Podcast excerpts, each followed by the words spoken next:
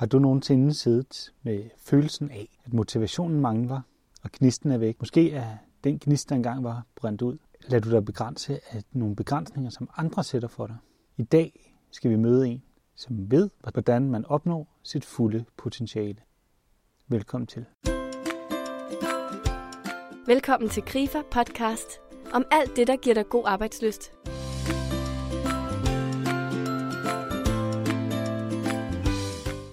I dagens Grifer podcast taler jeg med Hajib Danjal. Han er motivationstaler og har flere gange i sit liv formået at sætte sig nye mål efter hans basketballkarriere i New Orleans, den brast på grund af en skade, eller hvordan han kunne stå og holde koncert for flere millioner mennesker i Indien, uden at få en krone for det. I dag taler jeg med Hajib om hans største forbilleder, hans historie, hvordan det gik i skolen, hvordan det var at tro, man blev millionær uden at blive det, og om hvordan man sætter mål for sit liv og opnår sit fulde potentiale. Mit navn er Hadib Danjal, og jeg er det, man kalder motivations-inspirationsspeaker. Og jeg bruger al min tid på at hjælpe mennesker med at nå deres fulde potentiale. Øh, jeg gør mit bedste i hvert fald. Og øh, det er simpelthen det, jeg har dedikeret mit liv til. Og hvorfor kan du det? Jamen, øh, jeg kan det, fordi at øh, jeg vil det, for det første. Og så er det, fordi at jeg tror på, at jeg har nogle evner til at kommunikere med mennesker, lige meget hvad niveau de er på. Øh, om det er unge, ældre, folk, der har forskellige trosretninger, forskellige køn, seksualitet, det er fuldkommen ligegyldigt. Jeg, jeg tror på, at jeg har evnen til at ramme mennesker lige ind i, i sjælen. Noget af det, som, som du siger har inspireret dig, det mm. er det her med, at du har været i en masse forskellige livsfaser. Mm. Prøv at fortælle mig lidt om, hvad er det for nogle livsfaser, du synes, du har været i, som kan inspirere andre? Jamen, øh, jeg vil sige, at min rejse gennem livet, det liv, jeg har valgt at leve, og jeg siger, at jeg har valgt at leve det, fordi jeg mener, vi alle sammen, i hvert fald i den del af verden, vi lever i i dag, vi kan vælge, hvad vej vi gerne vil gå. Dem, der lytter til den her podcast, de har mulighed for at gå den ene vej eller den anden vej. De er ikke i Syrien lige nu, eller i en fattig, fattig øh, ghetto i øh, Sydamerika, eller i et andet land. Men, men vi har muligheden for at vælge, hvilken vej vi vil gå. Og ud fra de øh, omstændigheder, jeg var, kan man sige, opvokset i, det miljø, jeg var opvokset i, der var der ikke særlig mange, der regnede med, at jeg ville kunne opnå det, jeg har gjort i dag. Men det har jeg opnået på grund af min vilje til at opnå det, øh, den rejse, jeg har turde tage, den vision, jeg har turde sætte mig selv. Blandt andet vil jeg udgive musik i Indien, som endte med efter 12 år, at jeg bliver den mest, øh, går nummer et på hitlisterne i Indien i 2008. Øh, at jeg bliver snydt for alle de penge, jeg skulle have haft. Øh, bliver øh, et kamera ned i maven tre gange, fordi jeg simpelthen øh, har fået ødelagt mig selv fysisk på grund af stress, men alligevel beslutter mig for at rejse mig igen og finde tilbage til der, hvor jeg tror, mit fulde potentiale er. Og det er så som speaker, øh, hvor jeg tager, tager på en rejse igen og vinder igen. Så når man voksede op der i 80'erne i Farum, ja. der var der ikke lå det ikke i kortene, at du skulle nå din mål? Nej, det gjorde det bestemt ikke, øh, fordi øh, hverken min skolegang var særlig... Jeg var ikke så dygtig i skolen. Jeg ville gerne, jeg prøvede også. Jeg prøvede også at leve op til mine forældres øh, forventninger, fordi de kommer jo fra Indien, og der er nogle andre forventninger. Da de kom til Danmark, ser de jo pludselig, at der er så mange muligheder i Danmark, og derfor bør jeg udnytte de muligheder, altså læse til læge eller ingeniør eller hvad det nu er. Men grundet mine manglende øh, evner i skolen, så var det rigtig svært. Og så havde jeg en masse gode venner, og nogle af dem øh, hang meget på gaderne, og øh, jeg var lidt tiltrukket af det liv også. Øh, den energi, øh, den respekt osv., den var lidt tiltrukket af. Øh, men der er ikke så mange drømme i det miljø. Så øh, hvis man har en drøm, så skal man måske bare holde den for sig selv. Men jeg turde lukke op, og jeg turde fortælle omverdenen, at nu vil jeg til Indien med noget musik, og nu vil jeg ud i verden. Og jeg har turde gøre det igen, selv efter nødturen efter musikkarrieren, har jeg turde sige til omverdenen, at jeg vil være blandt de bedste speakere. Ikke kun i Danmark, men i verden. Hvornår oplevede du første gang sådan et Martin Luther King moment, i have a dream? Hvornår oplevede du første gang, at nu har jeg en drøm for mit liv? Jeg tror første gang, at jeg gik nummer... Øh, jeg fik pladeudgivelsen i Indien. Det var første gang, jeg græd ud fra noget, jeg havde arbejdet på så lang tid. Og der sad jeg i Mumbai sammen med min ven Danny, som jeg gik øh, nummer et sammen med i Indien, til den her udgivelse. Og det var et kæmpe show med kameraer og det ene og det andet. Og øh, da det hele var slut, der sad jeg backstage, og så kunne tårerne ikke stoppe, fordi jeg følte, at jeg har virkelig opnået det, som jeg har kæmpet for i de 12 år. Men øh, ja, jeg oplever dem. Jeg synes, jeg oplever ofte øjeblikke, som jeg aldrig kommer til at glemme igen. Har du også prøvet nogle gange at have en drøm, og så øh, sker der noget, mm. så den drøm, den ligesom brister? Ja, især med musikkarrieren, fordi drømmen var jo, at jeg skulle kunne leve af min musik. Og da jeg går nummer et i Indien, der er jo over 1,3 milliarder mennesker i det land, og når du ligger nummer et der, burde du kunne øh, leve godt af det. Men øh, det pladeselskab og de mennesker omkring det band, jeg var i, øh, det var måske ikke mennesker, som øh, havde den etik og moral, som jeg mener, man skal have.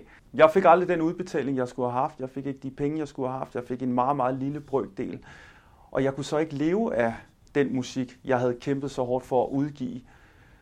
Så hele den drøm, den bristede. Øh, alt, hvad jeg havde kæmpet for, det bristede. Jeg kunne ikke fortælle mine forældre, at her se, jeg har også en økonomi, der, er, der er, hører til den succes.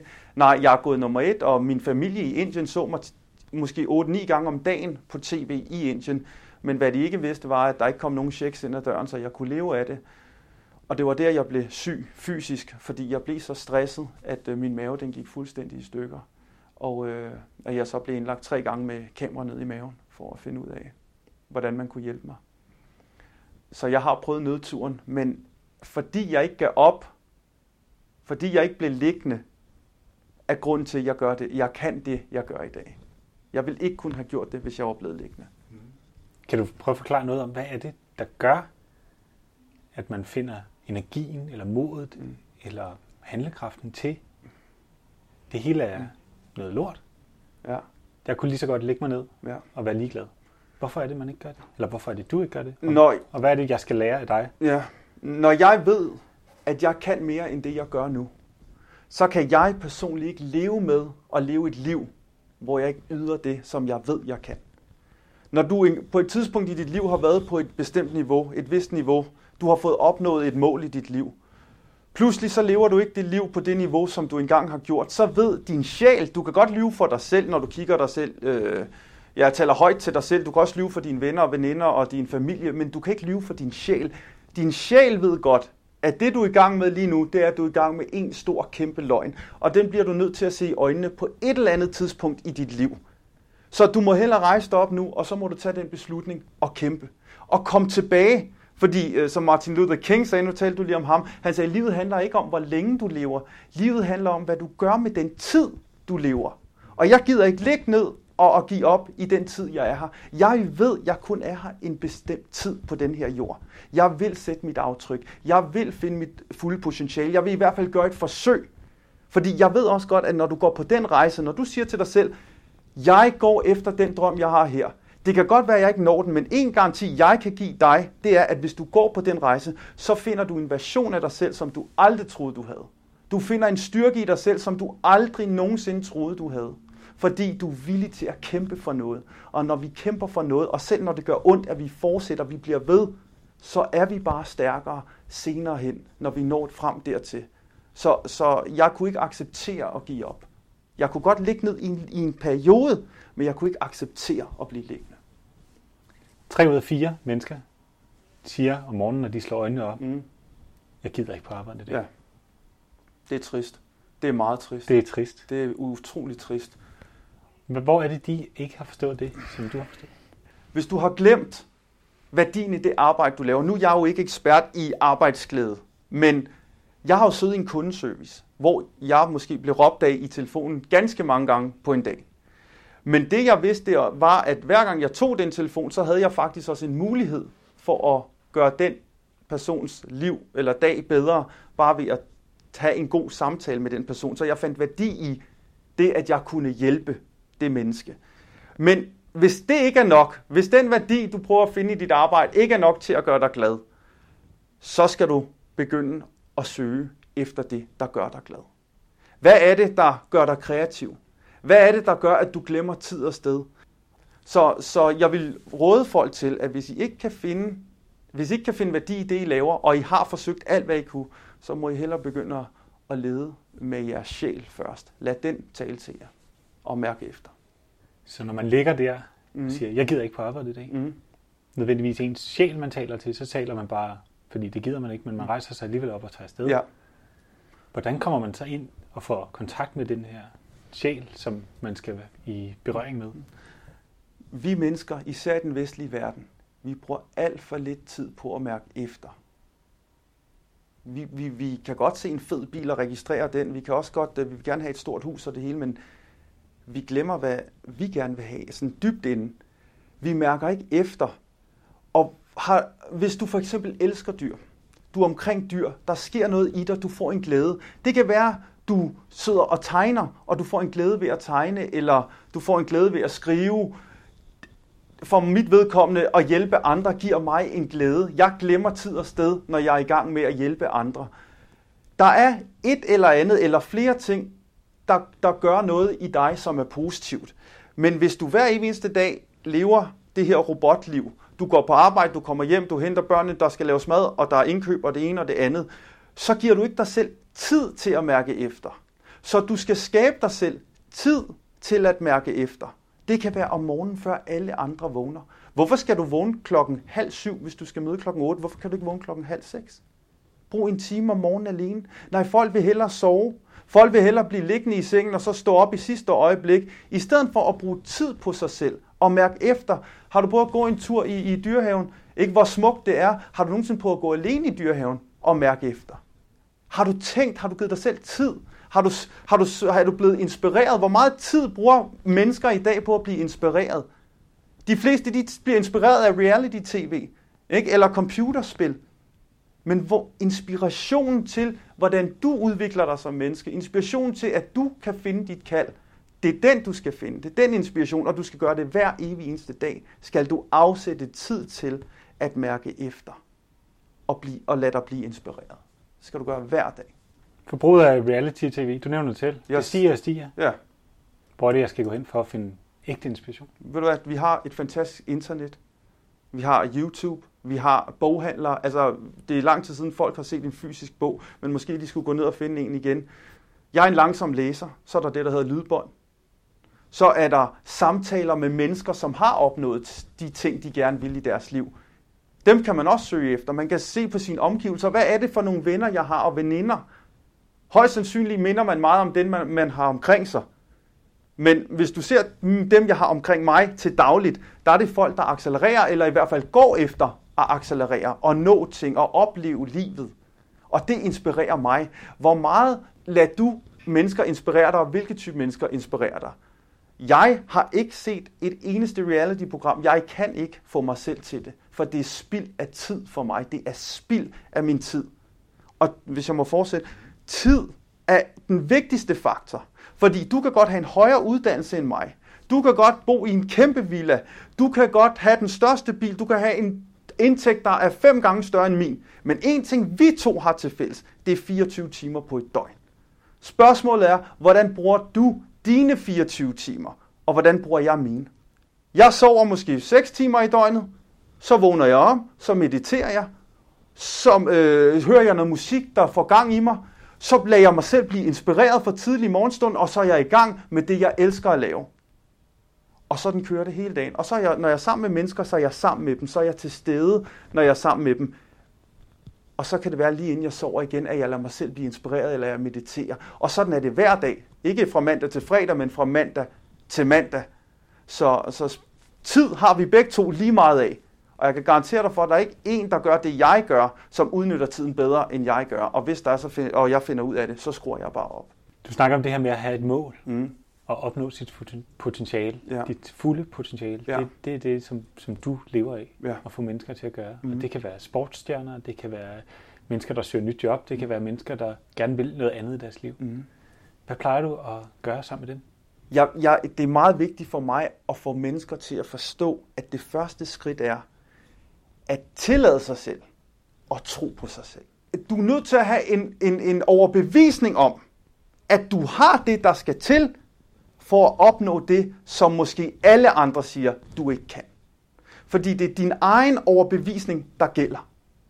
Jeg er, og det er ikke fordi, jeg vil lyde, som om jeg ikke har respekt for det, har jeg for dig, men hvis du fortalte mig, at jeg ikke kunne blive det, som jeg har sat mig for, så vil jeg ikke lytte til dig. Så, så er det min indre stemme, der bestemmer, hvad min holdning er til det, jeg gerne vil.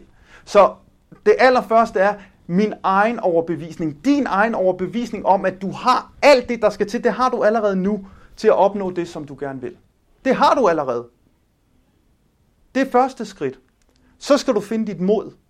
Du er nødt til i den her verden at være modig. Hvis du vil noget, alt kræver mod. Dit fundament skal være mod. For lad os, har du først overbevist dig selv om, at jeg har det, der skal til, så skal du finde dit mod.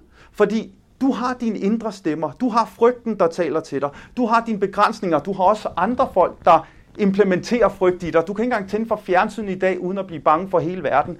Du, du bliver begrænset af alle dem, du har omkring dig. Så det kræver mod. Det kræver mod at bekæmpe den frygt.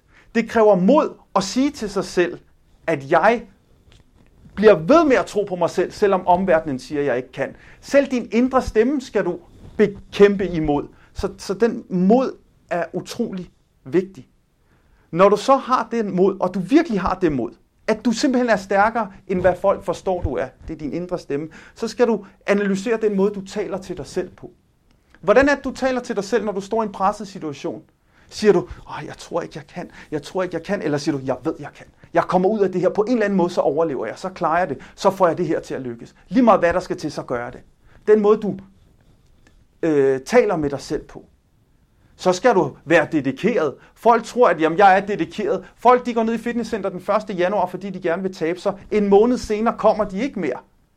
Du kan ikke tabe dig, hvis du spiser to lavkager om dagen. Så skal du i hvert fald løbe rigtig, rigtig mange kilometer hver dag.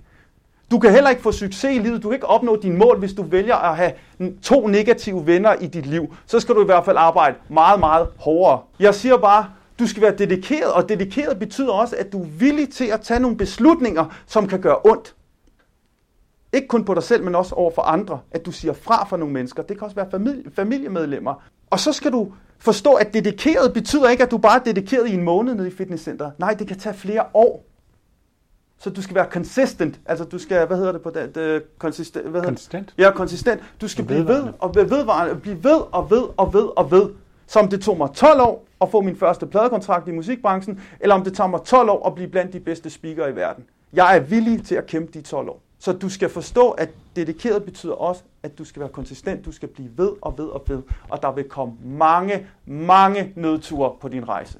Men det er de nødture, du skal værdsætte, fordi nødturene er med til at udvikle dig, når du kæmper imod, og du overkommer de udfordringer. Det er først der, du virkelig vokser, og du kommer ud af din comfort zone. Er du nogensinde bange for ikke at nå dine mål? Øh, ja, det kan man godt sige, men, men, men jeg ved allerede godt, at selv hvis jeg ikke nåede det, så alt det, jeg lærer på vejen, er den største gave, jeg kunne ønske mig i mit liv. At jeg kan sidde her med dig. Tænk, at du kontakter mig. Jeg er en gadeknægt for farven. Jeg har intet på mit papir, men erhvervsledere fra flere forskellige lande kontakter mig, betaler mig mere i, for at tale i en time, end jeg nogensinde har tjent på et job i en hel måned. Vi snakker om eliteklubber, vi snakker om landets uddannelsessteder. Kontakter mig en knægt fra Farum, som ikke kunne klare sig særlig godt i skolen. Og nu lever jeg af at inspirere virksomhedsledere, sportsklubber, uddannelsessteder. Det er det, jeg lever af. Fordi jeg havde viljen, og fordi jeg aldrig gav op. Så selv hvis det hele stoppede i dag, så har jeg ikke tabt noget som helst. Jeg har kun vundet. Når man træder ud af sin comfort zone, ja. så er der chance for, at du bliver klogere. Ja. Men der er også en risiko for, at du handler ud fra panik, at du ikke ved, hvad der er. Mm. At når du er helt derude, hvor at det ikke er hverken rationelt eller forankret i dine værdier eller noget som helst, mm. hvordan undgår man det ikke bliver panikhandlinger, mm. men det bliver lære, lærerige handlinger, ja. dem man laver. Altså, jeg, jeg vil sige på den måde, at når jeg for eksempel arbejder med bokser, så står de midt i stormen. De står derinde. Jeg er jo ikke boksetræner, men jeg kan hjælpe dem rent mentalt. De står derinde, og de bliver slået på. Det er en meget, meget fysisk sport. Der er næsten ikke nogen, der er hårdere end den rent fysisk. Og der er måske en modstander, som slår og slår og slår. Men selvom du står der midt i orkanen, så skal du, dit sind skal være fuldstændig roligt. Og livet, jo mere du træner, jo mere, øh, jo mere udvikler du dine evner, jo mere tillid får du til dig selv. Jo mere du dyrker din passion, jo mere dedikeret du er til dit mål, til din vision, jo mere hviler du i dig selv. Jo mere tror du på dig selv.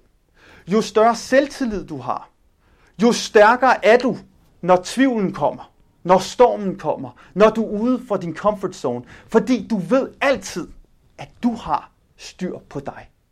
Du ved altid, at du er stærk nok.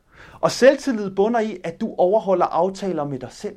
Så hvis du siger til dig selv, i morgen løber jeg klokken 6 om morgenen, så løber du klokken 6 om morgenen, men de fleste, de vil snuse den til klokken 7, og så tager de på arbejde uden at få løbet.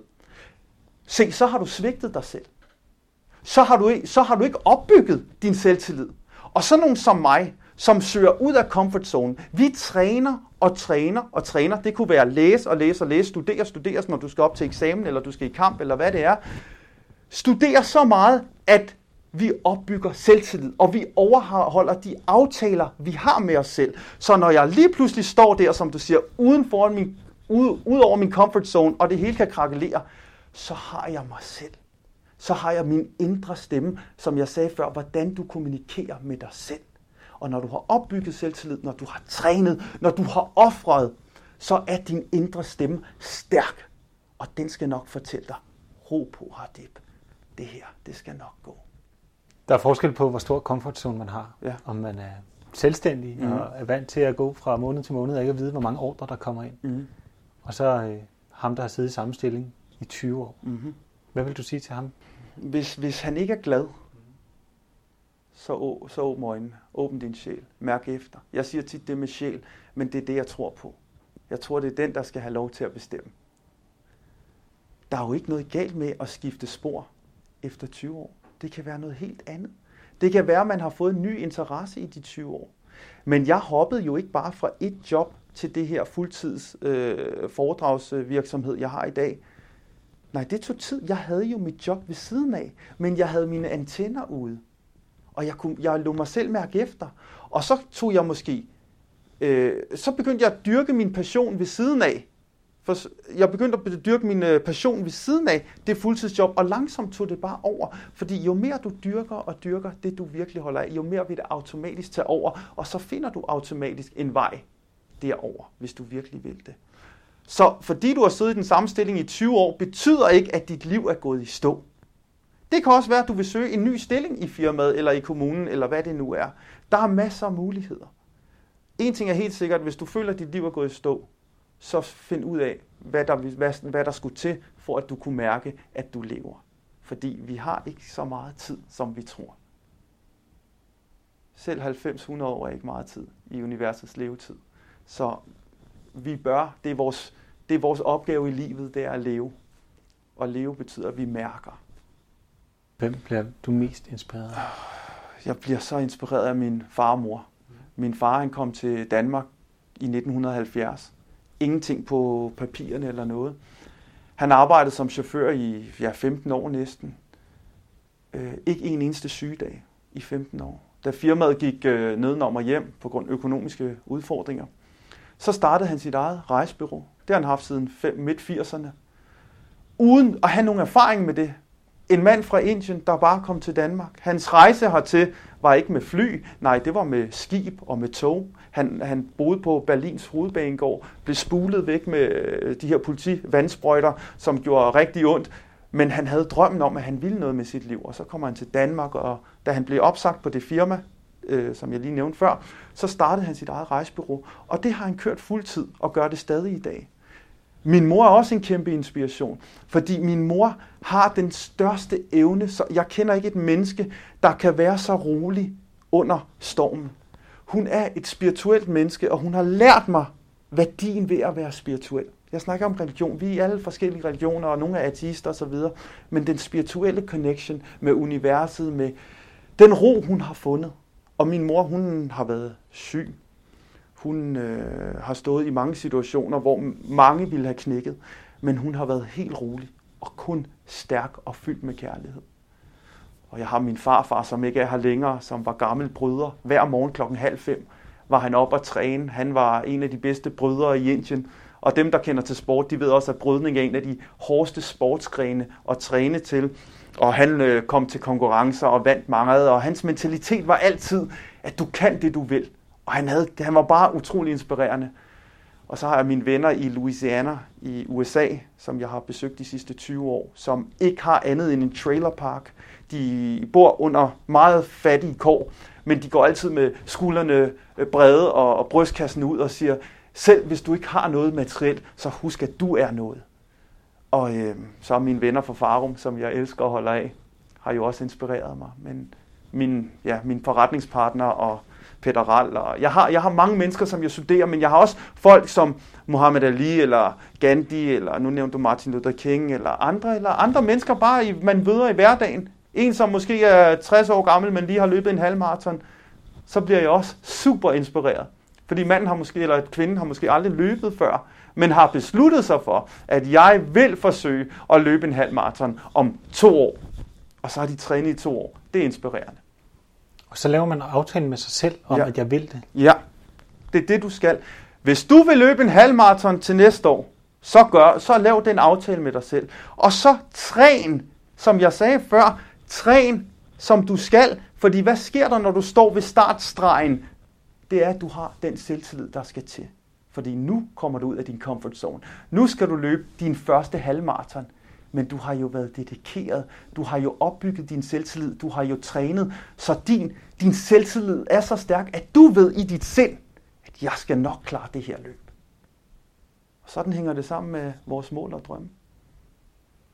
Så hvis jeg tænker efter, at jeg har lyttet til dig, Ja. der er noget, jeg skal tage op til revision. Jeg skal lige vurdere, hvad er det, jeg drømmer om? Hvordan er det, jeg kommer derhen? Mm. Hvad skal jeg så gøre? Måske allerede nu, måske i morgen. Ja. Hvad skal jeg gøre? Du skal starte, hvis du starter i dag, lad os antage, at du starter i morgen tidlig. I mit forslag er altid, nu har vi talt. Hvis jeg har tændt en gnist i dig, så hold fast i den gnist. Lad den simre. Lad, den, lad, lad, lad, lad vandet koge forsigtigt derinde i din sjæl.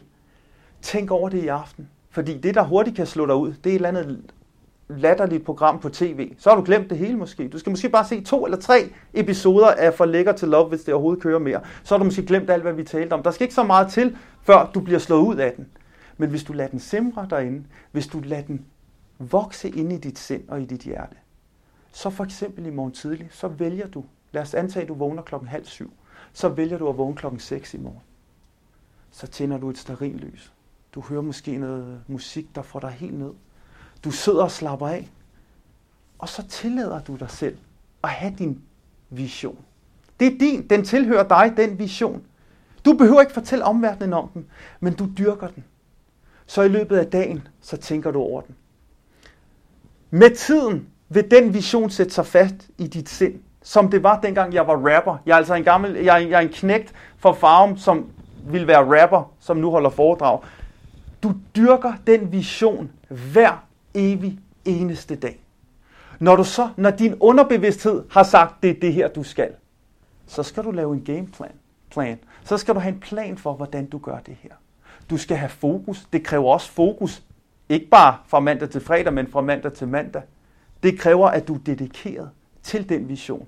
Jeg kan godt garantere dig for, at overholder du aftalerne med dig selv, lærer du, hvad, disci- hvad det vil sige at være disciplineret, så kan du opnå lige præcis det, som du har lyst til. Og hvis du ikke opnår det, lad os nu antage, at det ikke sker, så kan jeg i hvert fald give dig den garanti, at du bliver et menneske, der er stærkere, end du nogensinde har været før. Det er min garanti. Så når man tænder en gnist, så kan det både blive til et stort bål, eller det kan blive til afbrændte blade, som aldrig tændte. Som aldrig, ja, lige præcis.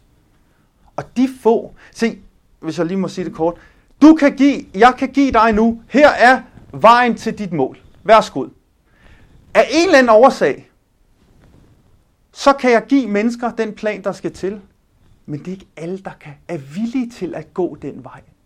Men var du en fattig dreng fra Indien i en lille landsby, som ikke kunne få mad på bordet før om tre dage, så kan jeg garantere dig for, at han vil gå den. Han vil gå den 10 gange for at få det, han vil have. Så du skal have sult.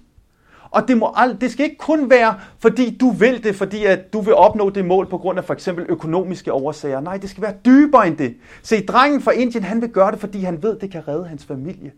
Jeg gør det her, fordi jeg ved, jeg kan gøre min mor stolt.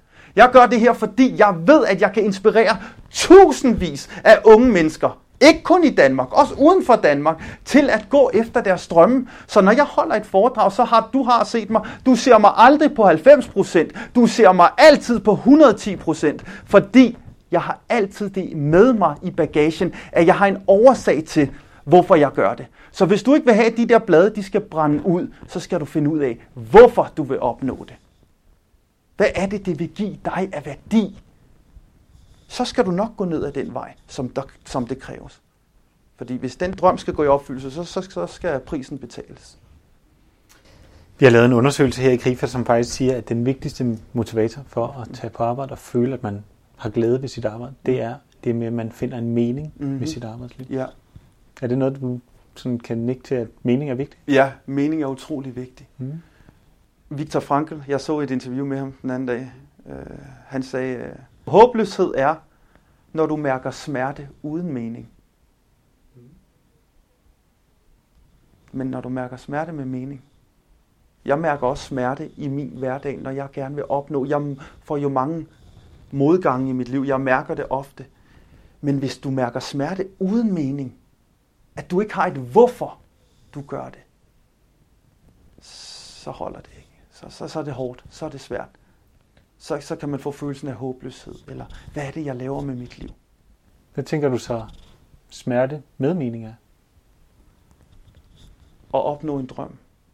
Jeg mærker, som jeg siger igen, smerte. Jeg mærker frygt. Jeg mærker afslag. Det er aldrig sjovt at få et afslag. Men når, når du på et tidspunkt har gået ned ad den vej til succes, når du har gået ned ad den vej i lang, i, i lang tid nok, så har du været vant til at, at reagere, når du får et afslag. Du knækker ikke, men til gengæld siger du lige pludselig, okay, jeg har fået et afslag, men det betyder jo bare, at der er noget andet, der er på vej. Så har Gips tre ting, som er vigtige at huske på. Det er det her med at have en overbevisning, have mod, og så være vedvarende i de ting, som du drømmer om for at nå dine mål. Hvis du sidder tilbage med følelsen af, at jeg har lyst til at gøre noget særligt, så har jeg på grifapodcast.dk lagt en lille hjælp til, hvordan du når dine mål. Det er en pdf-fil, du kan hente, hvor man kan sætte sig nogle nye mål. Helt grundlæggende handler det om, at dine mål de bliver smarte, specifikke og målbare, attraktive, realistiske, og så at du har en tidsplan. Men specifikt er det, at du kan beskrive dit mål og være omhyggelig, så det ikke misforstås. Formuler målet positivt og detaljeret og præcist. At det skal være målbart, det vil sige, at du skal kunne måle, at du kommer tættere på dit mål. At det skal være attraktivt, det skal være noget, du virkelig gerne vil opnå, desto mere motiveret er du. At det skal være realistisk.